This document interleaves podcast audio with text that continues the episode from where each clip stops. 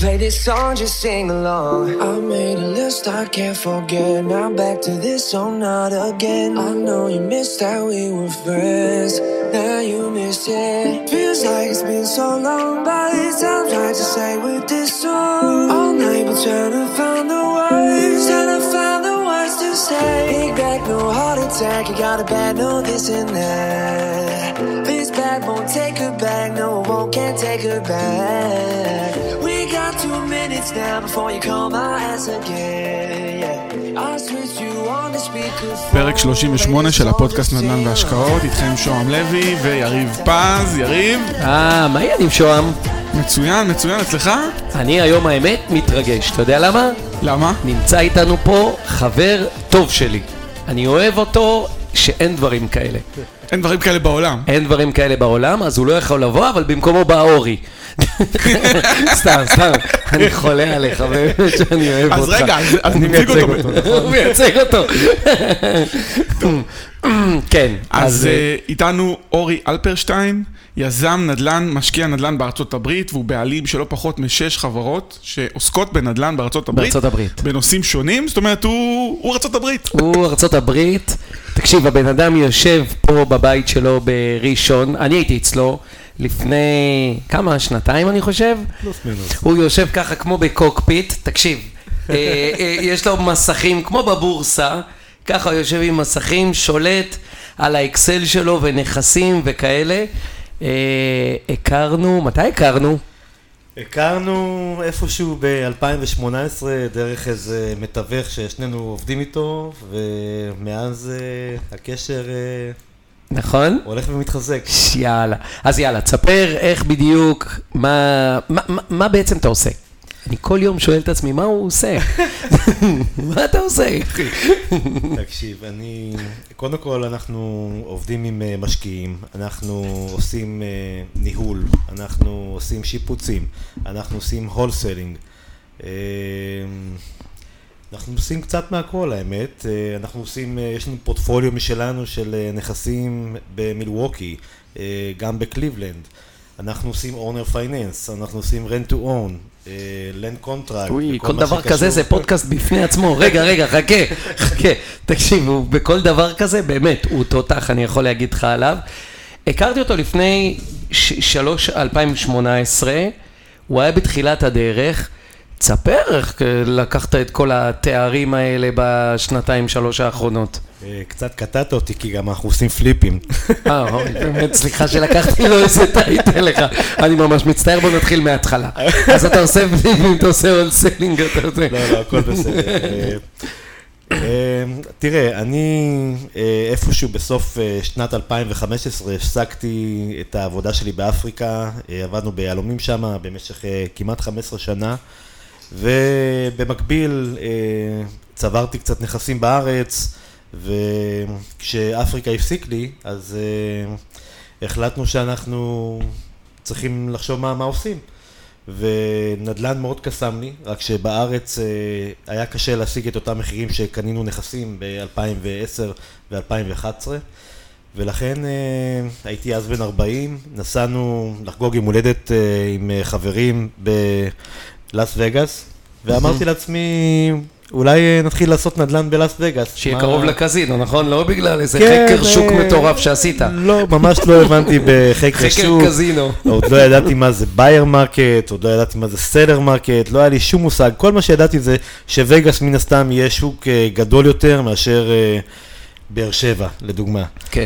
והתחלתי לבנות לעצמי שם איזשהו צוות קטן, חמוד, שמורכב ממתווך ושיפוצניק.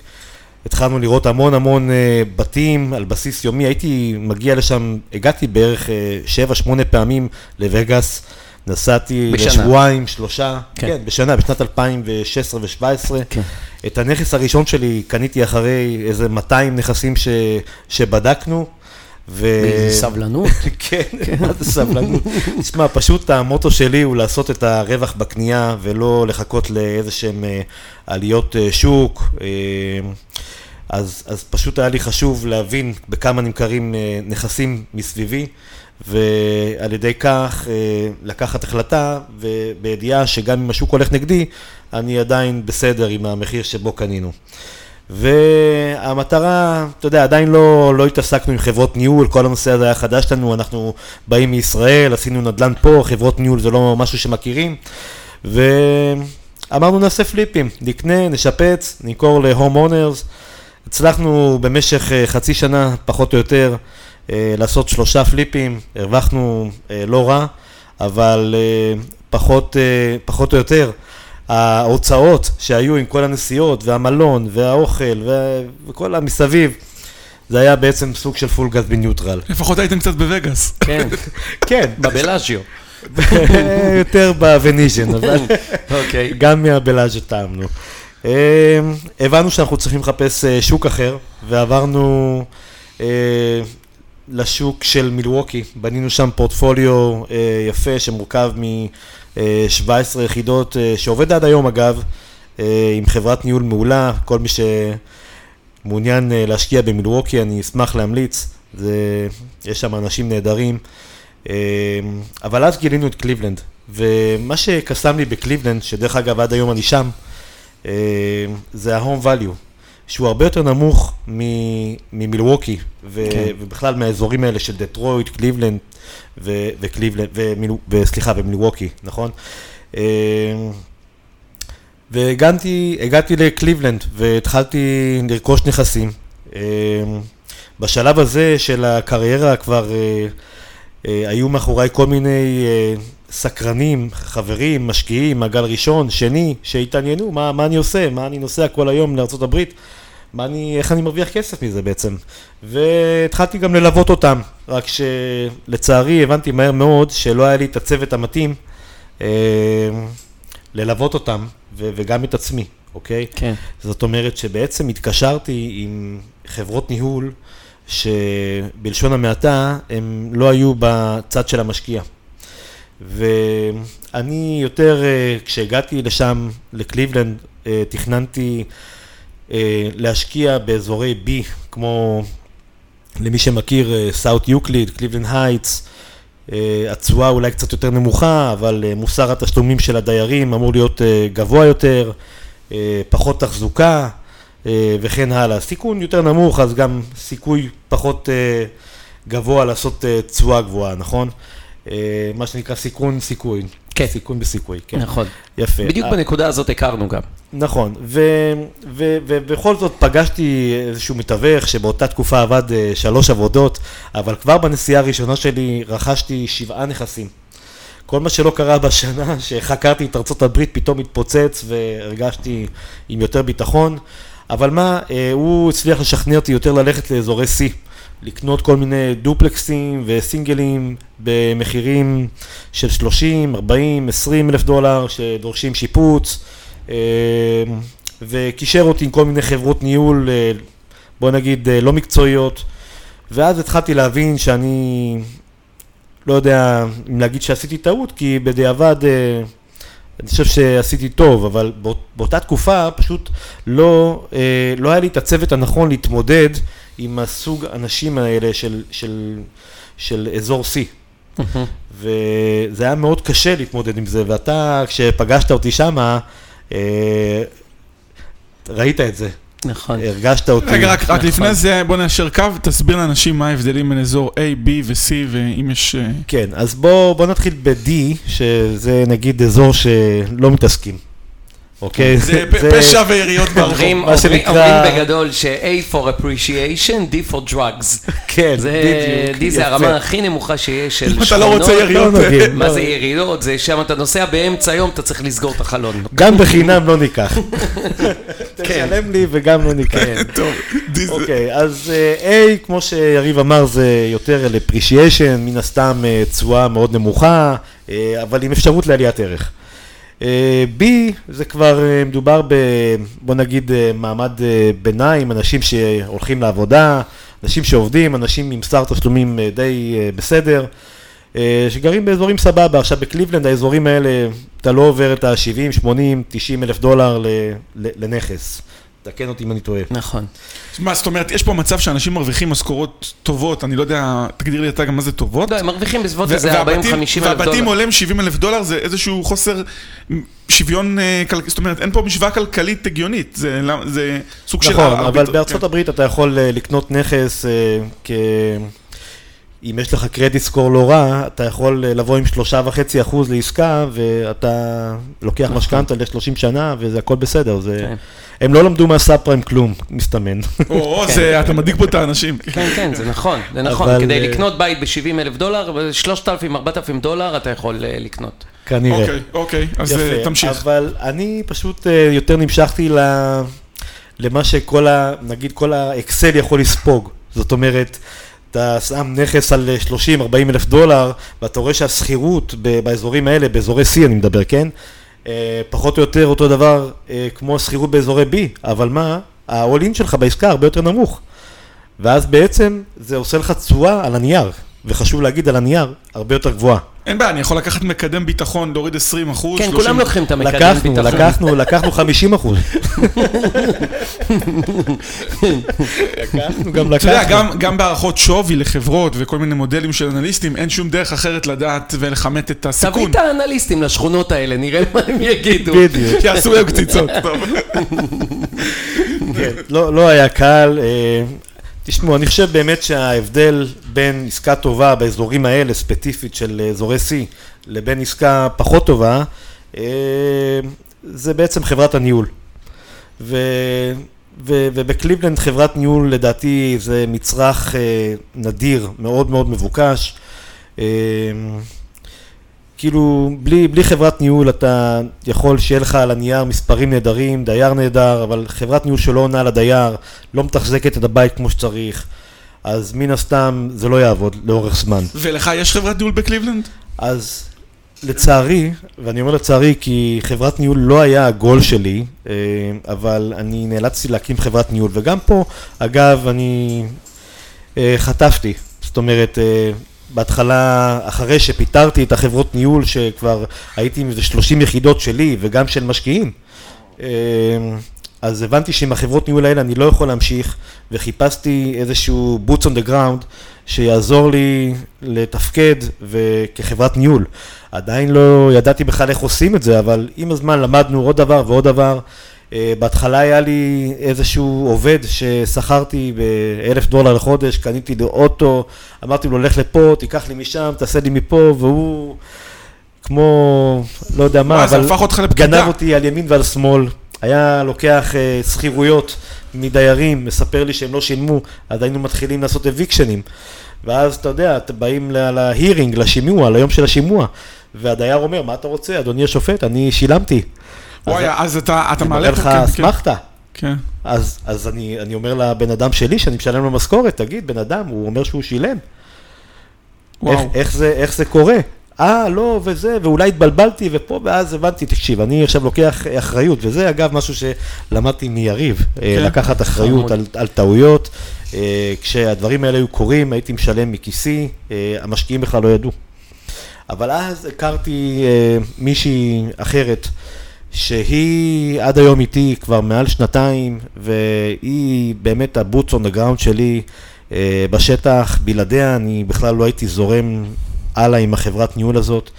אה, היא... והיא שכירה של החברה שלך. כן, היא על פיירול, מעבר לזה היא מקבלת בונוסים אה, על כל דייר שהיא מביאה, על כל נכס שהיא מביאה, אה, על הרבה דברים. זאת אומרת, מעניין את התמריצים כדי שאלה יהיה כדאי שהדברים יצליחו ושמשקיעים לא יתלוננו, ואתה נכון. ואתה יכול לדעת מהר, יחסית מהר, בטווח של חודשים, נכון, אם היא היו חלק. היא חלק, היום היא חלק מצוות אה, הרבה יותר גדול, אבל איתה בהחלט התחלנו.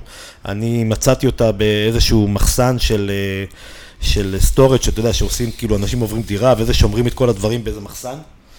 אה, אז, אז היא הייתה, היה, היה לה משעמם, אז היא הייתה כאילו באיזשהו משרד כזה, והיה בחוץ את כל המגרש, נכון? ואז אנשים באים פעם בשבוע, כאילו, לא היה לה מה לעשות. אז היה לה איזה לפטופ, והיא החליטה, אני אשכיר בתים. היא פורטוריקנית, ו... ויש את כל הקהילה של פורטוריקנים שם, וכולם מכירים אותה, וכולם מכירים את כולם, והייתה מביאה דיירים לבית הזה ולבית ההוא, ו... וככה התחלנו לעבוד, שאלתי אותה כמה את מרוויחה פה, היא אמרה לי, אמרתי לה, אוקיי, אני משלם לך אותו רגע, דבר. ופגשת אותה פיזית או מישראל? איך זה קרה? לא, לא, פגשתי אותה פיזית, פשוט הלכתי למשרד, ואמרתי לה, תקשיבי, את עוזבת את העבודה תוך שבוע. והיא עזבה את העבודה, התחלתי לשלם לה. ולמה היא האמינה לך? איך אה, איך שכנעת אותה?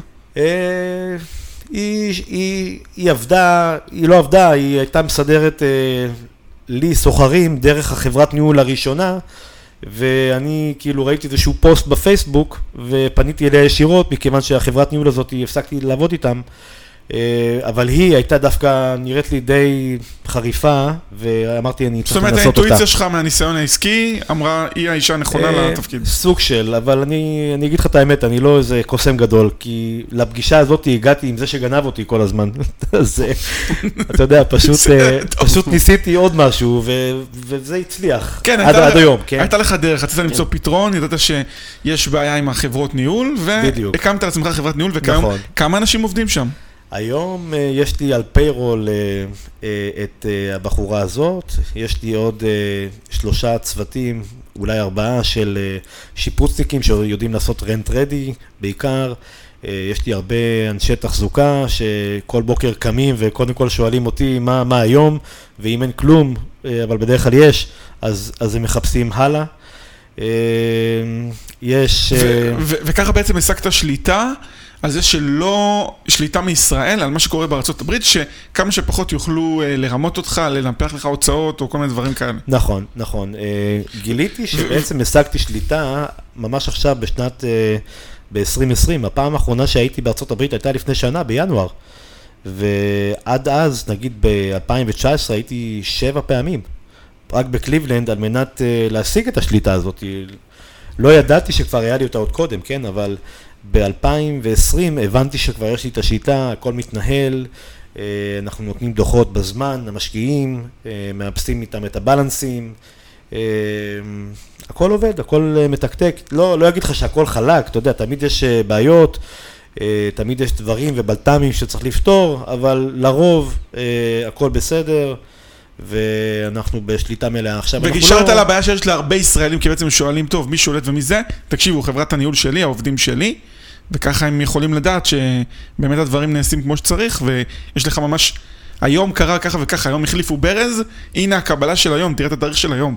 למשל. כן, אז אנחנו, כמו שאמרתי, נותנים דוחות פעם בחודש. אני פחות אוהב שמשקיעים מתקשרים אליי באמצע החודש ושואלים אותי מה זה ומה פה ומה אם הדייר שילם, לא שילם.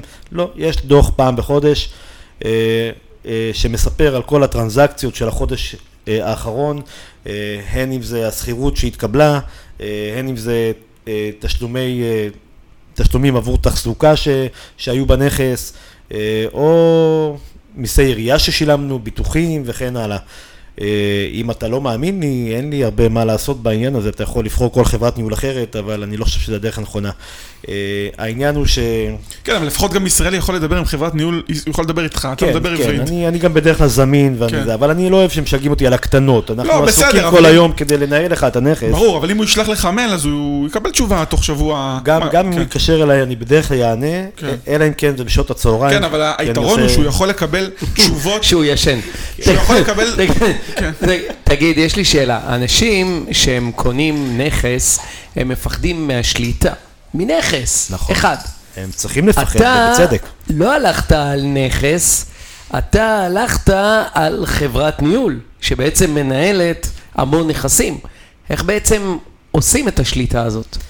אז שוב, זה הכל טמון באנשים שאיתם אתה עובד בשטח, אה, בלעדיהם אין שליטה ואין יכולת לתקשר. עם בן אדם שאתה משלם לו משכורת, לא עונה לך לטלפון, אז אה, פה זה נגמר, תקשיב, אה, אתה צריך להמשיך הלאה, לחפש את האדם הנכון. כן, אבל נניח לצורך העניין, אתה אומר שנניח הכל, כרגע יש לך מישהי שהכל פלוס מינוס סביבה, מחר חס וחלילה היא עוזבת, אז בעצם הכל מתפרק? אה, זה לא בדיוק סביבה, יש עוד אנשים היום במערכת, אה, המערכת גודלת, ושוב, בואו בוא נזכור שאני אה, דואג לא להגדיל את החברת ניהול. החברת ניהול מבחינתי זה סוג של כאב ראש, זה לא משהו שהוא רווחי, זה לא היה המטרה שלי. הייתה, המטרה העיקרית שלי הייתה לתת ערך למשקיעים וגם לעצמי כ- כמשקיע שרוצה ליהנות מאיזשהו פורטפוליו של הכנסה פסיבית, אתה יודע. כן. אה, אתה יודע, מישהו פעם אמר לי, אמרתי לך את זה גם לפני כמה ימים, שאם אתה רוצה לאחל לאויב שלך משהו רע, תאחל לו חברת ניהול. חד משמעי. בזה נגמרים לו החיים. חד משמעי. ולכן, אה, אם אנחנו כבר נוגעים בעניין הזה, אז אה, לאחרונה, כאילו בוא נגיד בשנה האחרונה, נחשפתי לכל מיני אסטרטגיות חדשות.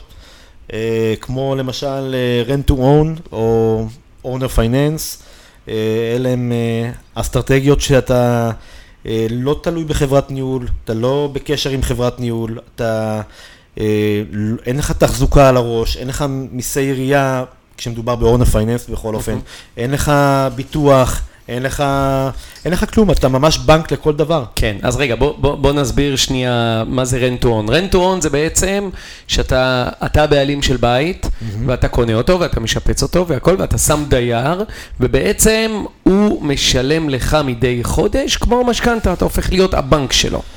נכון? אה, לא מדויק. אה, הוא, הוא כאילו יותר- שוכר ממך את, ה, את הבית. בדיוק. בעצם, בעצם אנחנו עורכים... ולאט כאילו לאט ולאט, הוא, ולאט לאט הוא משלם לך, דרך השכירות הוא משלם לך אה, אה, שכירות גבוהה יותר, שחלק מזה אוכל מהשווי של הבית. אני אסביר. אה, בגדול, אתה ב-day one עושה שני חוזים עם הדייר, סלאש קונה. כן. אה, בעצם החוזה הראשון הוא חוזה שכירות לכל דבר. נכון. אה, אם נגיד באותה, באותו אזור אנחנו מדברים על שכירויות של אה, אלף דולר פחות או יותר, ואגב, ה-rent to הוא יותר מתאים לאזורים של אה, 70, 80, 90 אלף דולר פחות או יותר, כי אלה אזורים שאתה יודע שבעוד שנתיים שיסתיים החוזה שכירות, אה, הבנק יוכל לעשות, יוכל לתת, בעצם להוציא אותך מהתמונה. הבנק בעצם יכול לתת משכנתה לדייר, שבמשך הזמן, השנתיים האלה, אתה היית אמור לשפר לו את הקרדיט סקור על ידי כך שהוא משלם לך את השכירויות, אוקיי? אז בעצם אנחנו עושים שני חוזים. החוזה הראשון הוא חוזה שכירות לכל דבר. החוזה הזה נע בעצם בין שנתיים לחמש, אוקיי? אה, אם אתה יותר בקטע של אה, הכנסה פסיבית, אולי כדאי חמש שנים. אם אתה רוצה ליהנות גם מהכנסה פסיבית וגם מסוג של פליפ, מבלי אה, לשלם מיס, מיסים גבוהים בגלל שעשית פליפ, אז אולי כדאי אה, לעשות חוזה שכירות לשנתיים. החוזה שכירות הוא חוזה שכירות לכל דבר.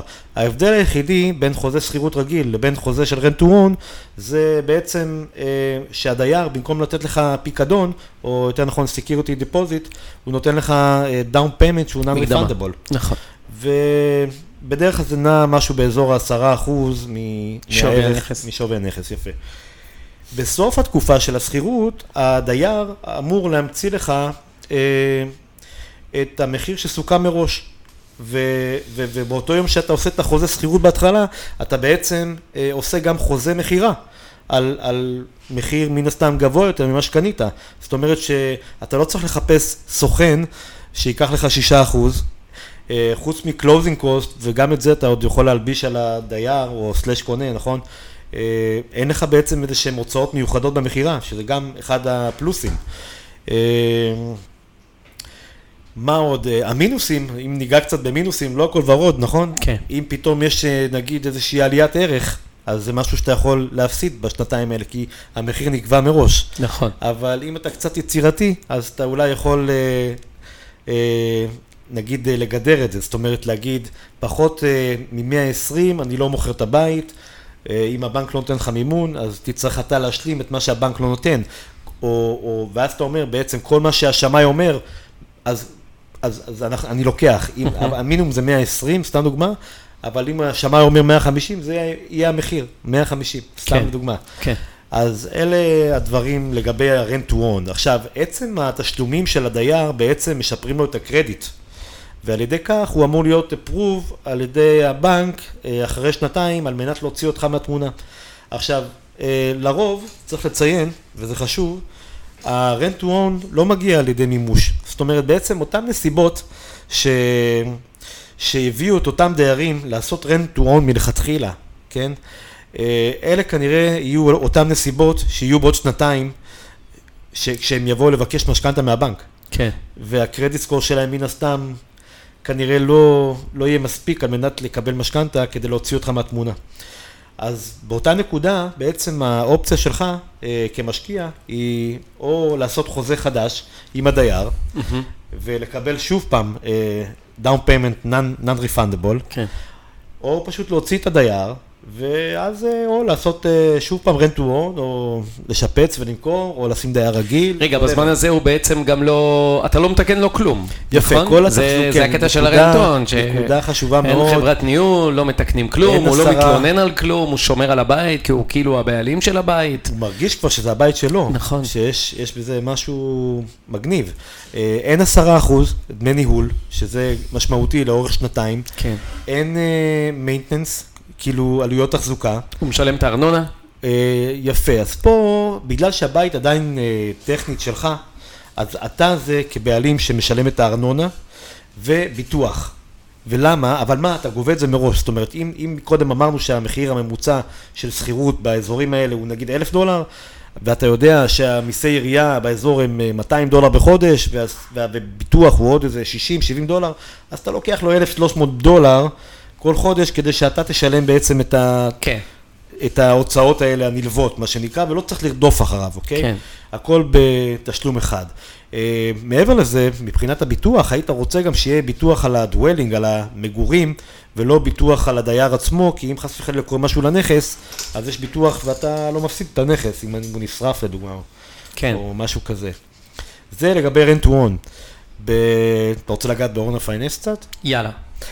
Finance finance. זה משהו, אה, זה כאילו מאותה משפחה, אבל אה, זה משהו אחר. פה אתה בעצם הבנק. נכון. ה-owner finance יותר עובד באזורים של אה, בוא נגיד 40-50 אלף דולר. שם אנחנו בעצם מנצלים איזושהי פרצה של, שהבנקים לא, לא אוהבים לעבוד ברמות מחירים האלה. הם לא אוהבים לתת משכנתאות ב- אה, לאנשים שהם אה, כאילו מלכתחילה לא יכולים לקחת אותם או להחזיר אותם. אה, הקרדיט סקור שלהם לא גבוה, אני גם לא בודק את הקרדיט סקור, זה פחות מעניין אותי, אני כן בודק. רגע, אבל, אבל, אבל זה לא מדאיג אותך? כי אם הוא לא זה יכול מדאיג לשלם? אותי, בהחלט מדאיג אותי, אבל... ה- ברוב המקרים, דרך אגב, שתדע, הם מחזירים את הבית בסוף. כן. במק- זה ב- הבאסה. ב- ב-owner finance אכן כן. כי תחשוב, זה אנשים שלא מקבלים כסף מהבנק, ואתה הבנק עבורם. והם ברמת סיכון הכי גבוהה שיש למעשה. נכון. אה, יש אמרנו את אזורי D, נכון? כן, שזה? העיריות. אז אנחנו מדברים על אזורי C, זה עדיין, אה, זה אנשים שלא יכולים לקבל משכנתה כמובן, גם בגלל ערך הבית, אוקיי? וכי אתה יודע, לקחת משכנתה עכשיו של 50-60 אלף דולר ל-30 שנה, כמה זה? 200 דולר בחודש? כן. זה לא מעניין את הבנקים, וגם כן. הסיכון לא מעניין אותם. אז פה בעצם אנחנו מנצלים איזושהי פרצה כיזמים, אה, לתת לנו, לתת אתה להם כאילו, את ה... אתה, ואז הוא אתה, משלם את ה- אני הבנק. את הקרן כן, וריבית. אתה, אתה הבנק, אני בנק לכל דבר. אתה מחליף את הבנקים, ואפילו אתה יכול לעשות את זה בסוף כפלטפורמה טכנולוגית. לגמרי. לגמרי. עכשיו, כן, כבנק, כן. כ- תכף ניגע גם במינוסים, בסדר? לא הכל בהוראות בשום האמת אסטרטגיה. שזה מטורף, יש לך את כל החברות אה, פינטק שמייצרות כל מיני פתרונות בארצות הברית, אבל זה בכלל שוק מטורף הנדל"ן, הוא א- אדיר ממדים, ויש בו המון המון אה, הזדמנויות. אה, חד משמעי. אה, העניין הוא שהדיירים, תראה, גם פה הם נותנים לך אה, איזשהו down payment שהוא non-refundable. כן. אבל הוא נמוך. כן, הוא איזה 5,000 דולר, או איזה נגיד, משהו נגיד כזה. קנית את הבית ב-all in, נגיד מחיר רכישה, אה, עמלת ליווי, אה, closing cost ושיפוץ, הכל נגיד ב-40 אלף דולר, בסדר? עכשיו אנחנו בעצם, במקום לשים דייר רגיל, section 8 או דייר רגיל, cash tenant מה שנקרא, אנחנו בעצם נחפש דייר אה, של אה, owner finance. או אם נשתמש במו- במונח הנכון, אה, קוראים לזה בכלל land contract. ב-land contract, אגב, אתה נותן לו אה, איזושהי הערת אזהרה, אבל ה deed, הזכויות בנכס, נשארות אצלך, שזאת נקודה חשובה אה, מאוד. עכשיו, הוא נותן לך, נגיד, עכשיו אתה מוכר לו את הבית באזור ה-60 אלף, אחרי שה all in שלך הוא 40, אז כבר יש לך רווח הון של 20 אלף על הנדלן. סבבה? עכשיו אתה נותן לו, ב, נגיד, הוא, הוא נתן לך 5,000 דולר down payment. בעצם היתרת תשלומים שיש לו לתת לך היא 55, נכון? כן, כי אתה, אתה מסדר לו אה, שהתשלומים יהיו בעצם כל חודש לפי הרמות שכירויות באזור. נגיד אם זה 800 דולר, אז אתה לוקח לו נגיד 900, 950, משהו שהוא כן יוכל לשלם, אוקיי? אה, המחיר יכלול אה, משהו, מושג, אנחנו קוראים לזה PITI. אה, זה אומר אה, אה, אה, Principal, Interest, אה, ו-Insurance. בעצם המחיר יהיה מורכב מארבעת המרכיבים האלה. את ה-Tax וה-Insurance אנחנו כמובן נשלם עבור הדייר. אבל הריבית והקרן זה אה, רווח שלנו. אז כמו שאמרנו, 60 אלף, 5,000 כבר בכיס, 55 זה יתרת התשלומים לערך, בוא נגיד בין 5 ל-10 שנים, לרוב זה יוצא 7-8 שנים אם אנחנו מדברים על 60 אלף. אה, תעשה חשבון, אם, כן, אתה- אם אחרי אני אגיד לך, שנה, אבל מה הבעיה עם הדבר הזה? הבעיה עם הדבר הזה, תראה, בישראל אם אתה קונה דירה שעולה נניח מיליון שקל, ואתה מביא 250 אלף שקלים, אוקיי? זאת אומרת שאם אתה עכשיו לא עומד במשכנתה, אתה מפסיד הרבה כסף. אתה 250 אלף ששמת, עזוב את התשלומים. פה הבן אדם שם 3,000, 4,000, 5,000 אה, דולר. כך שאם עוד שנה, שנתיים הוא לא עומד בזה, אז big deal, הוא איבד 3,000, אה, שתבין, המשכורת שם זה 2,000 בערך כן, דולר. אבל מצד שני, אז רגע, הוא הפסיד, הוא אה, לא עומד, אתה יכול אין לו להחליף הרבה אותו? מה להפסיד. רגע, אתה מדבר על, על הקונה שלך? שנייה, שנייה. כן, שנייה, על שנייה. הקונה. רגע, נגיד הוא לא עומד, הוא יוצא. יפה, שאלה מצוינת. זה- אלה, בוא עכשיו אנחנו נגיד במינוס. יש לך 5,000 דולר, רגע, יש לו 5,000 דולר בכיס. כן. בוא נגיד שנה, שנה מתוך שמונה, שולם, פתאום הפסיק לשלם. בסדר, בדיוק. יופי, יש לנו מה? יש לנו אה, 5,000 דולר, יש לנו עוד נגיד 800 כפול 12. יופי, נגיד חמישה חודשים לא מוס... יש לך חמישה חוד- חודשי שכירות בכיס, אוקיי. שזה ההגנה שלו. הוא הולך ומחליף אותו במישהו אחר, תוך חמישה חודשים. כן, אבל אז אתה צריך לשפץ את הנכס. אז- יפה, וזה. בוא- שזה תמיד הוא שובר לך את הנכס אם זה ככה? לא, לא, לא לא. תמיד, לא תמיד, אה, הכל בסדר, לפעמים יש אנשים אה, בסדר, הגונים, אפילו מנקים לך את הנכס, אבל, אה, אבל יש מקרים, וצריך לקחת אותם בחשבון, ובלי שום קשר אחד ב- מהם, שתיים מתוך עשר משוגעים נגיד. בדיוק. ובסוגריים אני אגיד לך, לא, לא, אני לא, לא לא, ממליץ. לאף יזם להיכנס, אה, כשיש לו כסף לעסקה אחת בארצות הברית, זה לא, פשוט לא משתלם, זה לא לא צריך פה מתחבר. איזה פול של פיזור, כן. בדיוק, צריך לפחות שניים, שלושה נכסים, כדי שאם אחד לא עובד, השניים האחרים יכסו עליו, ולא נצטרך לעשות מה שנקרא owner זאת אומרת, צריך לבוא. לפחות עם 300-400 אלף דולר לא, במינימום. לא, לאו לא, דווקא, לא, לא. לאו דווקא. אם אתה הולך על המחירים האלה של 40 אלף דולר, ו- ואתה עושה owner finance, אז אתה יכול לקנות אה, שניים, שלושה נכסים ב-120, 130, 150 אלף דולר נגיד, אוקיי? עכשיו בוא נגיד שהוא לא משלם אחרי שנה, אז בעצם יש לנו 9,600 דולר בכיס, נכון? כן, אבל. חלק מהם קיבלת כשכירות, אתה לא יכול... זה לא שכירות, זה תשלומי משכנתה. תשלומי אתה משכנתה. נתת לו משכנתה, אתה בנק. כן, אוקיי, קיבלת... אם אי פעם חלמת להיות הבנק, יש לך עכשיו את ההזדמנות. אתה שרי אריסון. סוג של... כן. היא- כבר לא בביזנס, אתה לא מעודכן. נכון. כן, מעבר לשנה הזאת, יש לך עוד 5,000 דולר non-refundable, אה, אה, אה, כאילו, down payment, נכון? כן. עכשיו אתה יכול ללכת למכור את הבית למישהו אחר עכשיו? כבר יש לנו 15,000 דולר בכיס, שצמצמנו את הסיכון. פלוס מינוס. מתוך 40 הכנסת 15, אוקיי. יפה, עכשיו תראה, כל עוד... אה, אה, וה- והבית שלך, הבית לגמרי שלך. הבית שלך, כן, נקודה. הזכויות אזהרה נמחקת. בנכס הערת הם אזהרה- שלך. הערת אה, אזהרה לקונה. רגע, הוא קונה, הוא לא שילם, הוא עף, זה נמחק? יפה, עכשיו, אם, אם יש לו 20% equity בנכס, אוקיי? מעל 20% equity, אז, אז אנחנו כבר ניגשים להליך יקר וארוך ומייגע, שאנחנו לא רוצים להיות שם, אבל לפעמים זה קורה, אין מה לעשות, וקוראים לזה foreclosure. עד ל-20% האלה, אוקיי? אנחנו עושים בעצם... foreclosure זה. אותו תהליך מפורסם ב-2008 שהבנקים אה, מכרו בתים ו... נכון. רק הפעם זה. אורי. בדיוק. לא, לא, לא רק אני, אלא כל מי שעובד באסטרטגיה הזאת.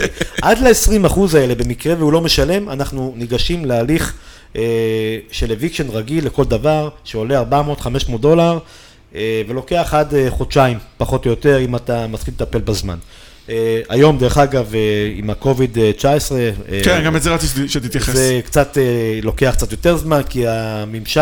אין עיקולים. מה- בדיוק, אין עיקולים, אבל- הם אבל- האריכו את זה עד סוף ינואר. רגע, כן. אבל אפשר להוציא, לא כל אחד יכול לא לשלם. זה מה שאני קראתי. לא, אי אפשר, אי אפשר, אין אביקשנים, אין זה, מאוד קשה. לא, אבל הם חייבים להוכיח שהם נפגעו בהכנסה או שהם חלו בקורונה או דברים כאלה. נכון, הם, צריכים. להוכיח, נכון. כן, מה בעיה להוכיח? אחרת מפנים אותם, זה נכון. לא בעיה להוכיח. סליחה, אבל... הרי אם הוא לא משלם, כנראה זה באמת מה שקרה. כן, אבל צריך אוקיי, להמציא תוכיח לי שפיטרו אותך. מהעבודה. כן. לא, תוכיח שפיטרו אותך מהעבודה. אם לא, אתה לא... יכול- אם הוא עובד, ואפשר לגלות שהוא עובד, אפשר ללכת ל... הוא משלם, הוא משלם כל מיני מיסים פדרליים. אפשר ללכת כן. לבית משפט. ש- נכון, תראה, זה קרה לנו לא, לא פעם ב, לאחרונה, אנחנו גם אה, אה, מכירים את הדיירים שלנו, ואנחנו, את אה, אלה שיש להם מוסר תשלומים סבבה, אפילו כאלה שמשלמים לנו בסוף החודש, אנחנו עוזרים להם, אה, אלה שנקלעו לצרות האלה, שפיטרו אותם מעבודה, אנחנו עוזרים להם למלא את הטופס הזה ולהגיש אותו על מנת לקבל עזרה מהממשלה, וכל זאת על מנת ש... כי אנחנו יודעים שהם דיירים טובים, ואין מה לעשות, לא הכל שחור זה גם ולבן. אינטרס שלך לעזור לו. בדיוק, אני, להוציא אותו מהבית עכשיו ולעשות רנט רדי ולהביא דייר חדש, זה לא עושה שכל אה, למשקיע שלי. אם היית לרשותו בזמנים הקשים, והוא הוא יהיה שמח והוא ירצה מן להישאר. הסתם, מן הסתם, כן. אבל יותר חשוב מזה, המשקיע שלי יהיה שמח על ידי כך שהוא הוא לא נכנס להוצאה של רנט רדי, ואחר כך אה, למצוא דייר, וחודש ראשון שכירות, וכל מה ש... אתה מבין, על זה אני מדבר. אה, אה, מה, מה המעלות בכך שיש לי חברת ניהול משלי, שאני בעצם בצד של המשקיע, וזה כל ההבדל בין עסקה אתה טובה שולט ללא עכשיו עסקה טובה. על כל שרשרת הערך שיש לך את החברת ניהול. בדיוק, זאת אומרת, הכל יכול להיות אצלך בבית. חברת לא ניהול רק זה, הוא גם חיצונית, עושה שיפוצים. חברת ניהול חיצונית, אה, האינטרס שלה שהדייר יצא, וכל היום לעשות רנט רדי, ולהכניס דייר חדש, רק מזה, אלה הספוטים שהם הם יכולים להרוויח. כאילו עשרה אחוז שכירות, או, או מה שהם מרוויחים מהתחזוקה, זה לא באמת אה, עושה שכל, אתה יודע, אתה מחזיק אנשים בשביל אה, לתפעל את זה, אתה מבין? אז אלה לא הבונבוניירות בחברת ניהול. מה שבאמת אה, עושה שכל לחברת ניהול, אה, זה בעצם הספוטים של, שאתה אה, מחליף דייר, אתה מרוויח אה, חודש שכירות, ואז אה, אתה, עושה- לפני כן אתה עושה כמובן רנט רדי. וזה להכין את הנכס, שיפוצים, שם- הרווח הגדול בעצם, כן. בדיוק. אז אה, זה בקטע הזה. אה, ולכן אה, מצאתי אסטרטגיות כמו ה-Rent to Own וה-Owner Finance, אני התחלתי להתמחות בהם, ועכשיו גם התחלתי לשווק את זה למשקיעים.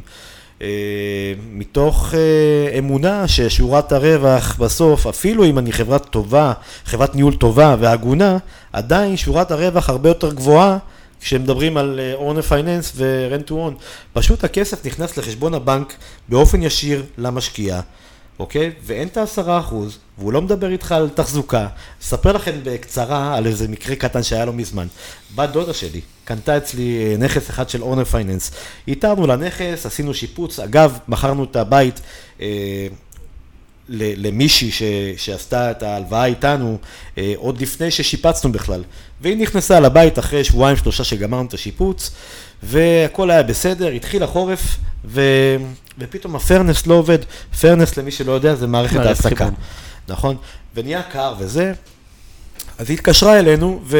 ואמרה, חבר'ה, תגידו, החלפתם את ה-hot water tank וגם את הפרנס, וה furnace לא עובד, רציתי לדעת אם יש אה, אחריות. עכשיו, אם זה היה דייר רגיל, הוא אומר לך, "אה, חביבי, ה furnace לא עובד, תגיע להחליף, נכון? כן, אין אתה שכירות. הוא יגיד אתה- לך אין שכירות גם. בדיוק, אם לא, אני שם את השכירות ב escrow, עד כן. שאתה מתקן לי את זה. כן. אתה יודע. עכשיו, היא שואלת ככה, כל הנימה, כל ה... זה, בכלל, היא פונה אליך יפה, אתה יודע, כן. אולי אתם יכולים לעזור לי, יש לכם את ה warranty. אמרנו לה, תקשיבי, ה furnace היה בסדר, עשינו לו רק service, אבל uh, ה hot water tank כן חדש. אבל את יודעת מה, אם את רוצה, אנחנו, את יודעת, אנחנו חברת ניהול, אנחנו יכולים לשלוח לך את אח- אחד מהתחזוקה שלנו. שלחנו, והיא שילמה לו ישירות את מה שהיה מגיע לו, אתה יודע. כן. ומאז לא שמענו ממנה. כן. מה שעוד אני יכול לציין על האסטרטגיה. הזאת. סליחה? היא התאבדה. לא, התשלומים המשיכו להגיע. דיירים הכל לא. רגילים לדברים האלה. הכל בסדר. האמת היא שהיא ממשיכה לשלם, כן. היא מאוד מרוצה. אבל זה באמת חוסך את כל הכאב ראש למשקיע, חבל עליו. מכל הטלפונים וכל ה statements כן. הלא נקיים האלה ועם ההוצאות. וגם לי, כחברת ניהול, תחשוב איזה שקט. כן. פחות, נכס לטפל בו. כן. כמובן שאם הדייר לא ישלם, אני, אתה יודע, חוץ מלעשות איזה אימייל לעורך דין, כדי לעזור למשקיע, הרי אני לא אזרוק אותו, אני אגיד לו, הנה זה העורך דין, תכירו. כן. לא, אני עושה אימייל, מכתב את ה... אה, את המשקיע, וכמובן אה, מטפלים, כן? אני לא בורח לאף מקום, אבל זה לא קורה, הרבה, האמת עוד לא קרה. מתוך כן. כל העסקאות שעשינו, אתה כן, מבין? כן. אה, תגיד, איך נראה היום שלך? כל כך הרבה דברים, מתי אתה קם, מתי אתה זה, השעון מצלצל בדרך כלל ברבע לשבע, אנחנו כן. קמים לשלושה ילדים אה, מקסימים, שעכשיו אה, צירפנו גם אה, כלבלבה חמודה, כן. בשם טוי, כן. וואי, גם אנחנו עכשיו הבאנו כלבה. יופי. מכינים אותם במשך שעה, אני לא מוותר על השעה הזאת, אפילו שהלכתי לישון ב-2, 3 ו-4 בבוקר, זה לא מעניין אותי.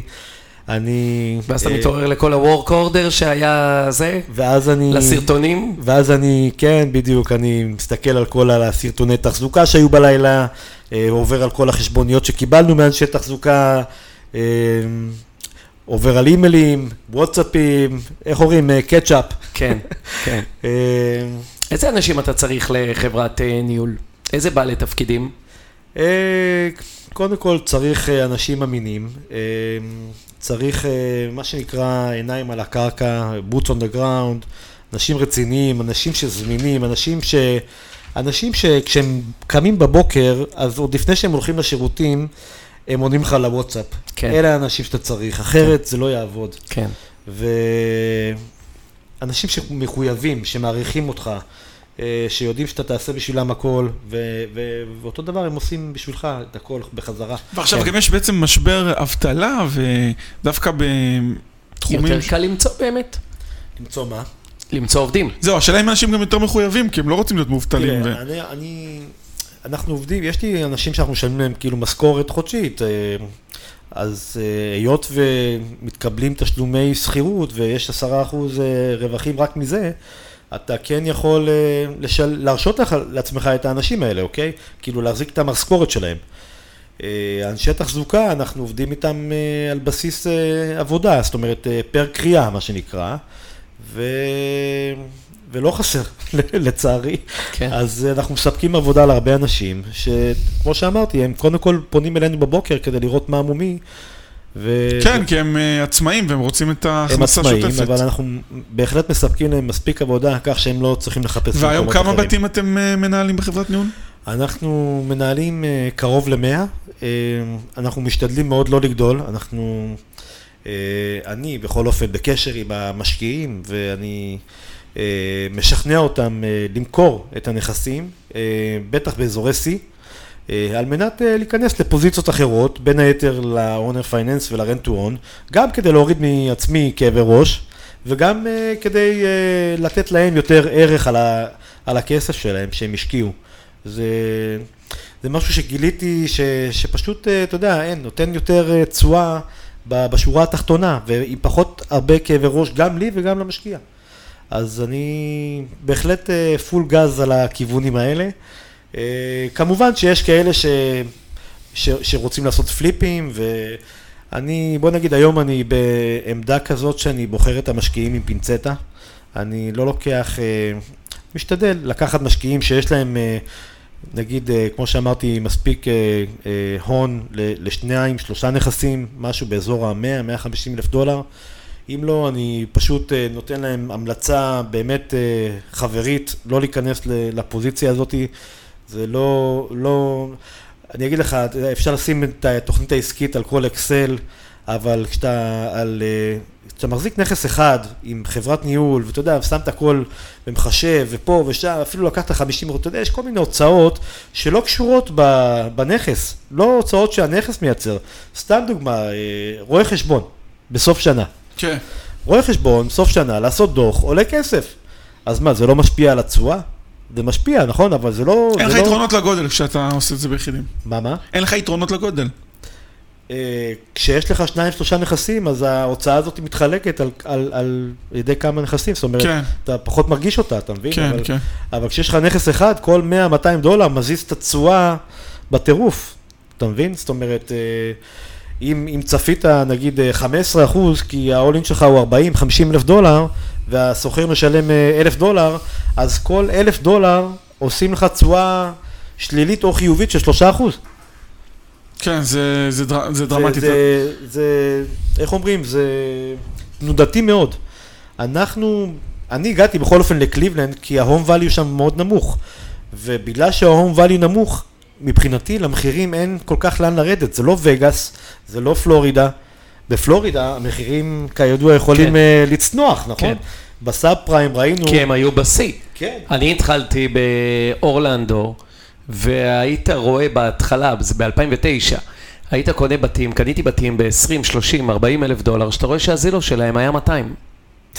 אתה מבין? זה אין לאסוף את הדברים האלה נכון? בקליבלנד, כן. ובדטרויט היו בתים- באחד דולר. מה, בדולר. כן, אתה זוכר. אבל כן. בדטרויט אין לך מה לעשות עם הבית, הוא גם לא שווה את הדולר הזה. כן, אבל פה 20-30 אלף דולר.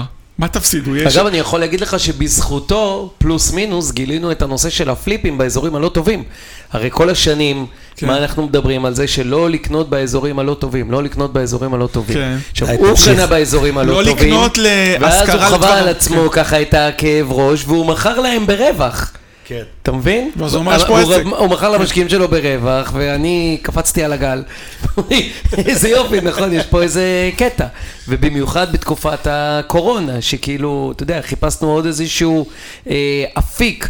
שיהיה של בתים אה, זולים, ובאמת אנחנו קונים בתים, משפצים ומוכרים את זה ביותר, דופלקסים והכל, אבל אני יכול להגיד שלמדתי את זה ממנו.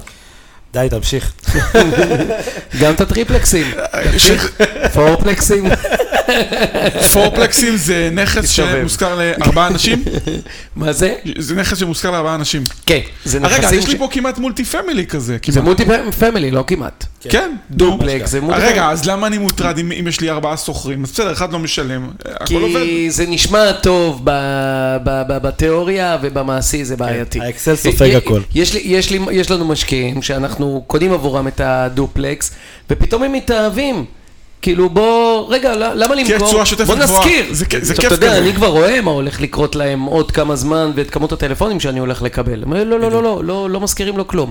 מוכרים את זה ככה. אם אני אני אגיד לך משהו שאני אומר אני בהחלט מסכים עם יריב, אבל אה, באמת, אני חושב שמי שמחזיק דופלקס בקליבלנד, אה, או בכלל, דופלקס זה תמיד באזור לא טוב? תמיד? לא, יש דופלקסים גם באזורים טובים, אבל אתה צריך להבין שמי שהיה יכול להרשות לעצמו אה, סינגל, שזה בעצם החלום האמריקאי, היה הולך לגור בסינגל.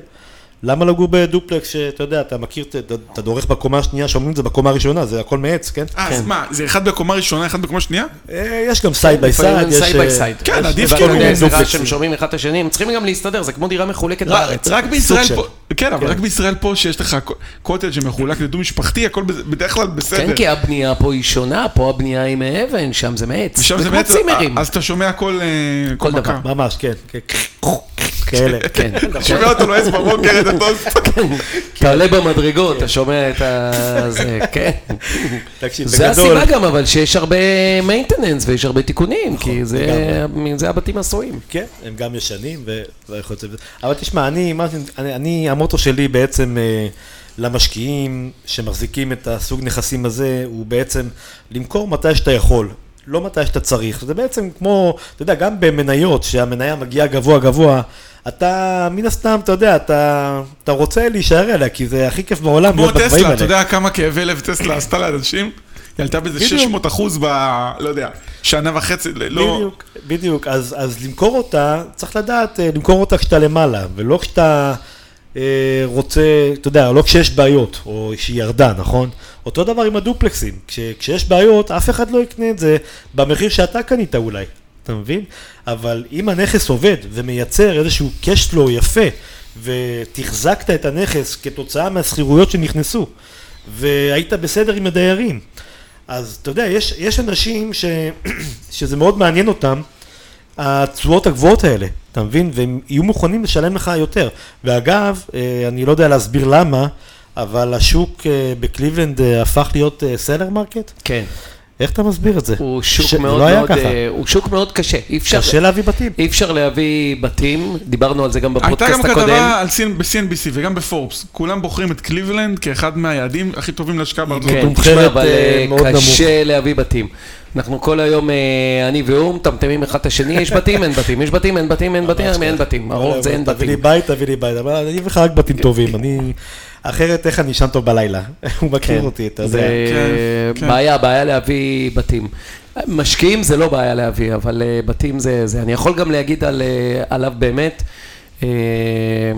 שפשוט שאתה פה, וזה פשוט מרגיש כאילו אתה שם.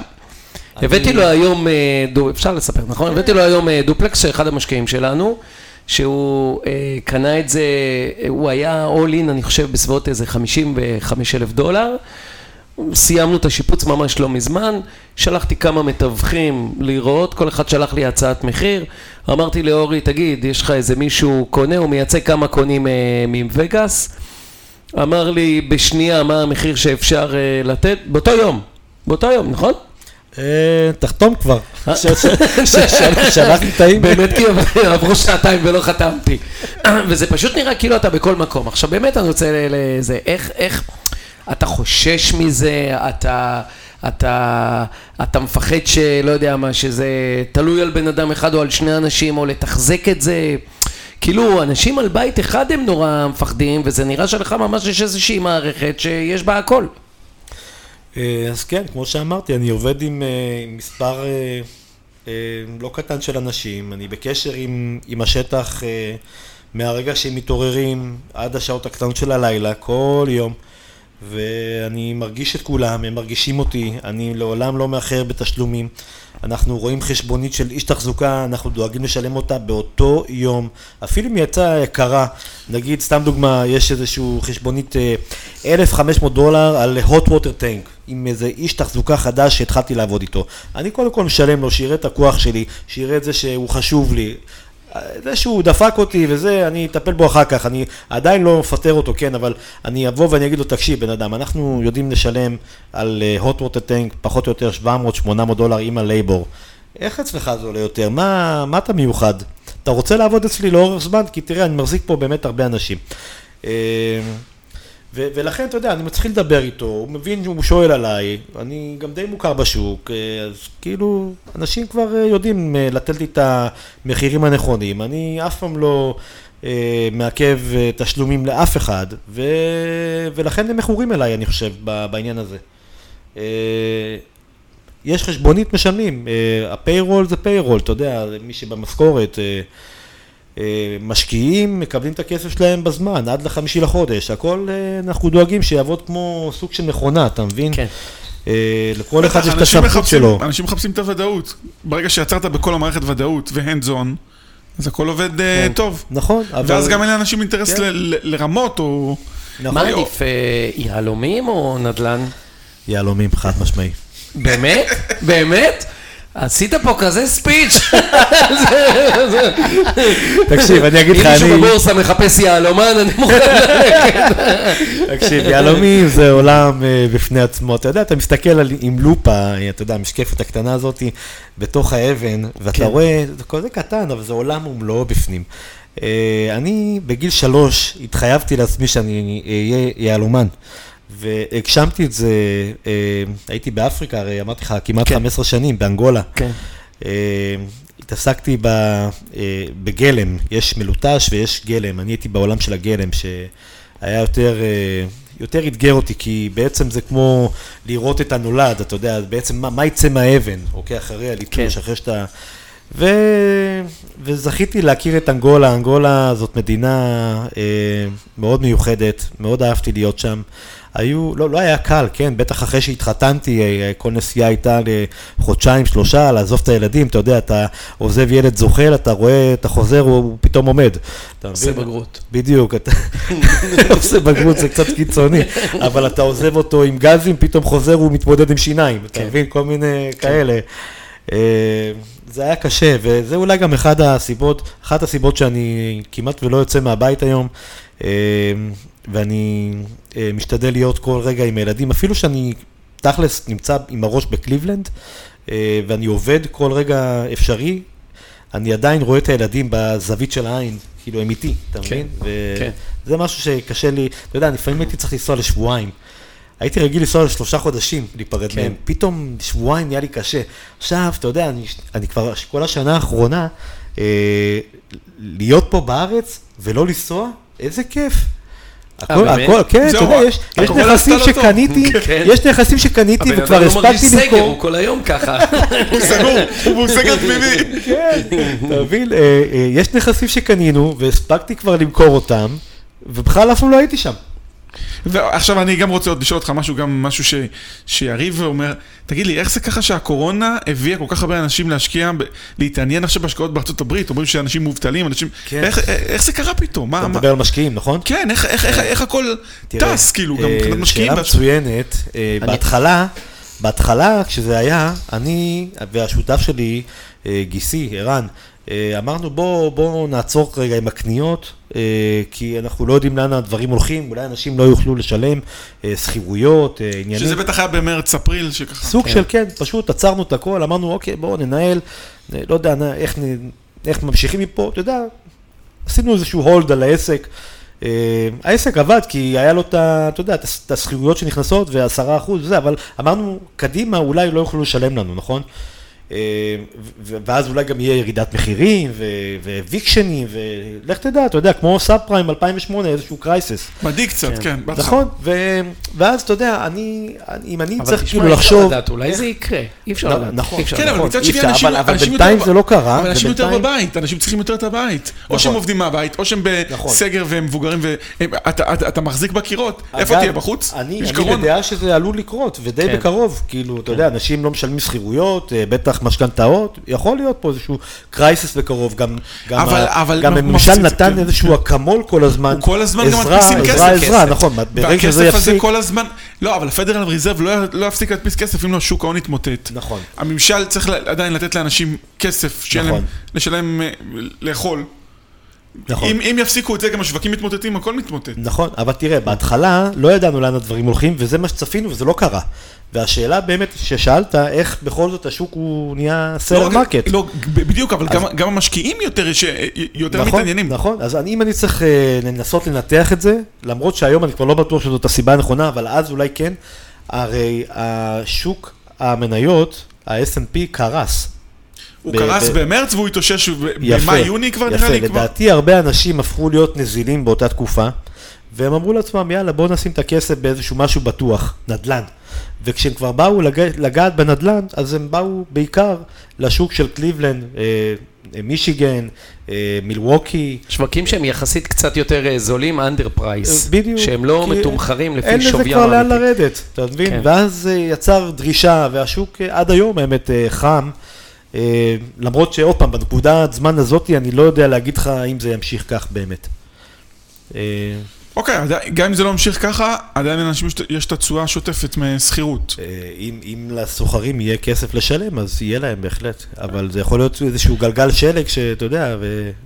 ומה, ומה מבחינת מקומות עבודה? מה קורה שם בשטח? מה, מה, מה אתה מרגיש? כי זה באמת משהו ש... אני באמת אה, מרגיש שמוסר תשלומים קצת יותר נמוך אה, מצד אה, אה, דיירים רגילים, ולכן אה, מה שיריב אמר מקודם, לקחת אה, אה, דיירי section 8, יכול להיות אה, בתקופה הזאת איזשהו מענה על הסיכון הזה.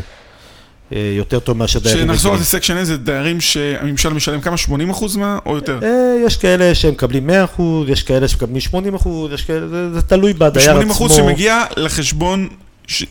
בלי, י- בלי. לרדוף אחרי דייר, כן.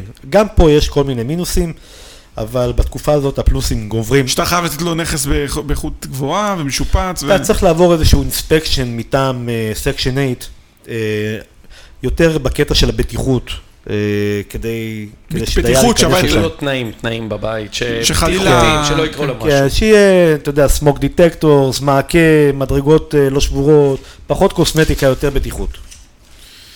טוב, טוב, אז אה, אורי, היה פשוט, היה פרק ממש מעניין. אה, אתה אומר את זה לכולם. תגיד. שותק. לא, כי לקודמים לא אמרת, אמרת להם, היה ממש משעמם. טוב, פרק ממש משעמם. מה. נאחל? לא, מה. נאחל? 21, 2021, אנחנו נמצאים ב- בינואר, מה, איפה אתה רואה את עצמך? אתה עושה כל כך הרבה דברים, גם אה, גם wholesaling, גם אה, ניהול, גם אה, פליפים, לא- גם עוד לא הכל. דיברנו על wholesaling שלו. מה? זה פרק אחר. כן, רגע אחר. אה, מה... מה, מה ב-21? עכשיו הוא יגיד לך יהלומים. לא, לא, סתם. הוא מוכר יהלומים זה משהו שנגמר כנראה, ו... אבל חלק נכבד ויפה, ונזכור את זה לנצח. זה גם אה, הביא אותי להתעסק בנדל"ן, אז... אה, אבל אה, 2021, תראה, אה, לא יודע, יש הרבה סימני שאלה, לאן הדברים הולכים. אם אני צריך לאחל משהו לכולם, זה קודם כל בריאות. ו... וזהו, קחו את כל הסיכונים בחשבון, אל, כאילו, אל תאמינו למישהו, אה, כאילו, תנסו גם לחפור בצד המקצועי. אני אגיד משהו ככה לסיכום, בסדר? כדי לעשות כן. נדל"ן בארצות הברית, אוקיי? אתה צריך אה, שני דברים, אתה צריך להאמין במישהו, ואתה צריך גם שהמישהו הזה יהיה מקצועי. אם הוא לא מקצועי, אבל אתה מאמין לו, אז סבבה, בלונגרן זה לא, לא ימשיך כנראה, נכון? אבל, אה, אבל לפחות אתה יודע שהוא לא עבד עליך, אוקיי? אבל אם הוא אה, מקצועי ולא אמין, פה אתה בבעיה גדולה, ואלה דברים שאני חוויתי בתחילת הדרך, אז אני מאחל לכולם, קודם כל, אה, לדעת למה הם נכנסים תמיד, לא להאמין לשום דבר, להסתכל, לחפור, לשאול שאלות, והכי חשוב, לשמור על הבריאות. טוב, תהיו בריאים, יריב. יפה. אחלה כן. פרק, באמת אחלה פרק. באמת? כן, לא אומר סתם. יפה. רגע, אני ואורי. איך, אה, אני אגיד לך למה. כי אני ראיתי אותו מההתחלה בתור סוג של אה, תלמיד כזה, ואת הדרך שהוא עשה, וכל זה בשנתיים שלוש. תשמע, אני מעריץ אותך, מבחינתי אתה הגורו שלי, אני, אין פודקאסט שלא שמעתי, אין, אה, אין וידאו שלא ראיתי, אתה יודע, יריב פז מתקשר אליי, אני כן. כולי... לא, יריב פז. לא, ילדים שקט, ילדים שקט, יריב פז. ממש אני יכול להגיד שאני משתמש בשירותיו הרבה, ואני די סומך עליו, הוא באמת אה, תמיד אה, זמין ותמיד עונה, ואנחנו עושים שיתופי פעולה אחד עם השני, ופעם אני הייתי מביא לו בתים של ה wholesaling, ועכשיו הוא מביא לי, וככה אנחנו אה, עוזרים אחד אז לשני. אה, אורי, מי שרוצה לפנות אליך, מה, מייל, אה, עמוד פייסבוק, שיתקשר אליי. יש לו סוכן.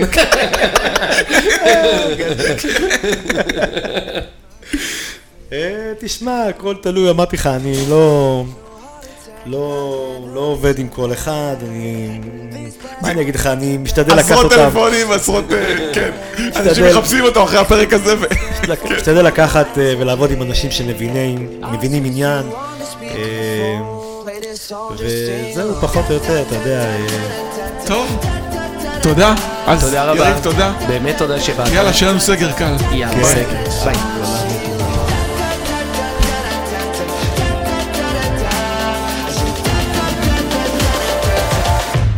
This song, just sing along.